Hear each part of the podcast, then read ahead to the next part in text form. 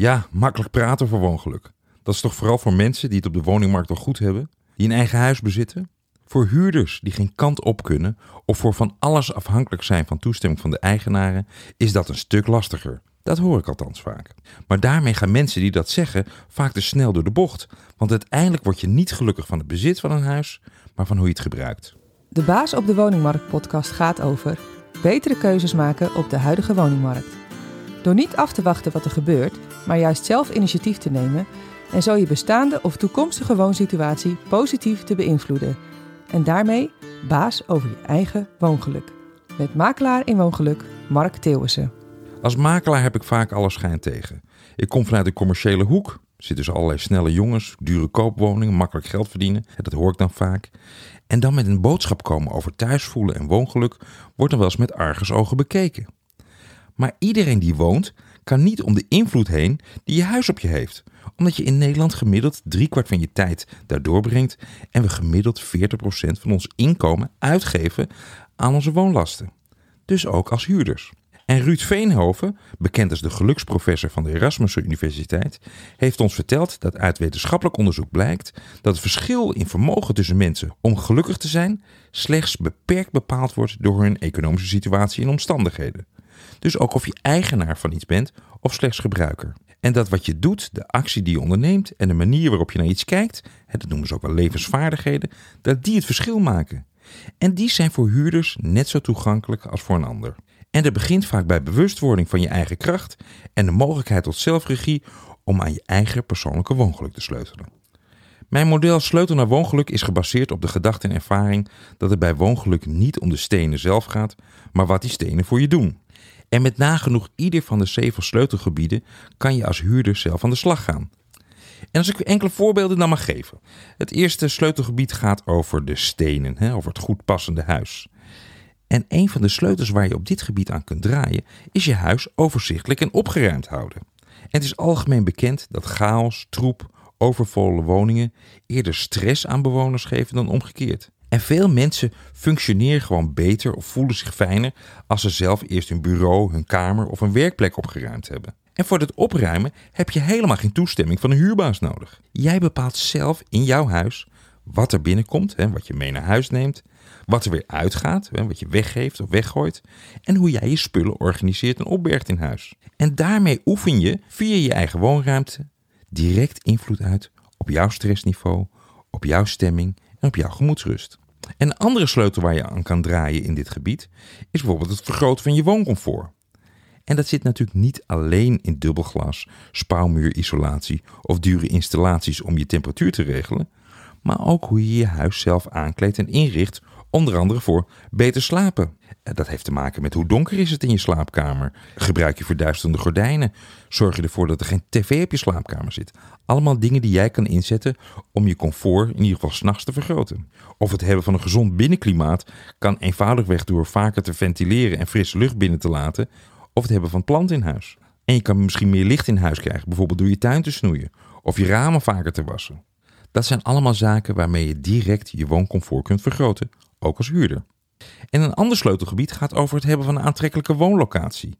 En je woonplek wordt aantrekkelijker op het moment dat je je er meer verbonden mee voelt.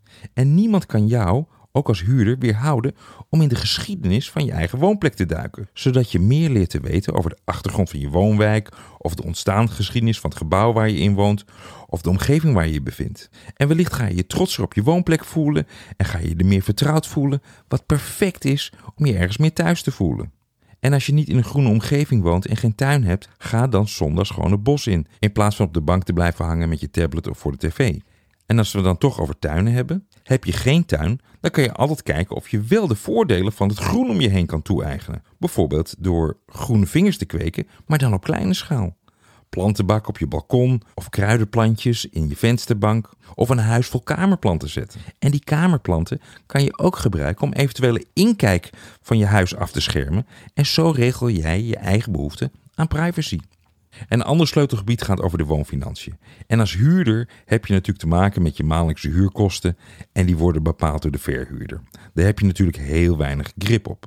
Maar goed, je hoeft je ook geen zorgen te maken op het moment dat je cv-ketel begeeft en je net even geen 2.500, 3.000 euro hebt liggen. Het feit dat groot onderhoud pakje aan voor de verhuurder is, kan zeker tegenwoordig met stijgende materiaalprijzen en het lastig kunnen vinden van monteurs en klusjesmannen echt wel bijdragen aan je eigen financiële gemoedsrust en dus aan je woongeluk. Een ander belangrijk sleutelgebied die een groot deel van je woongeluk bepaalt, is je thuisgevoel.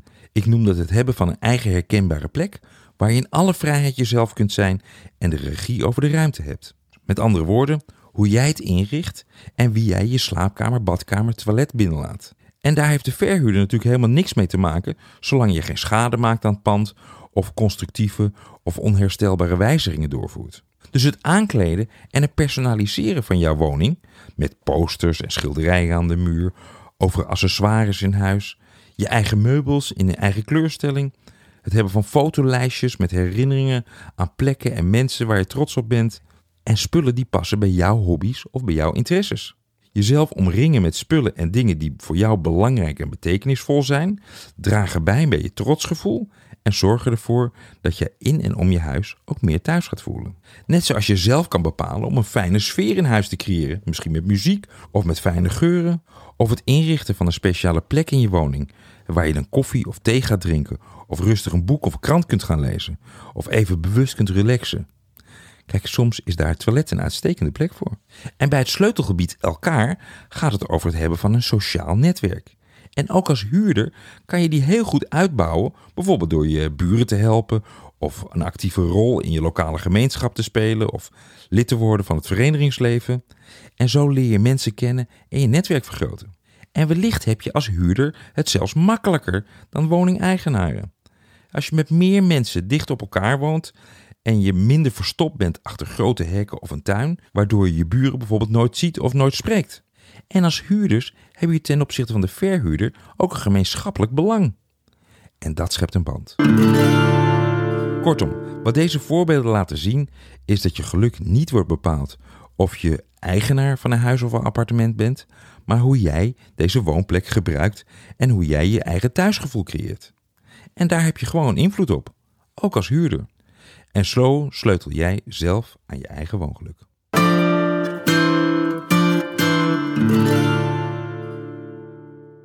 Nu de woningmarkt aan het kantelen is, is het tijd voor slimme verkopers om het heft weer in eigen hand te nemen.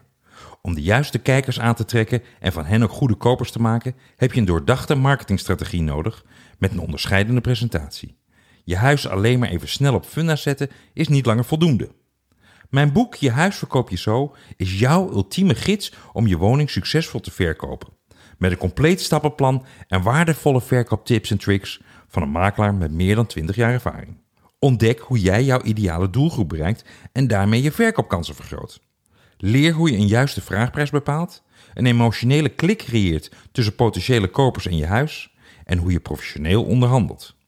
Als jij serieus aan de slag wil met de verkoop van je appartement of woonhuis, bestel dan nu je huis verkoop je zo via de link in de show notes en word baas over je eigen verkoopproces. Met succesvolle verkoop als het resultaat.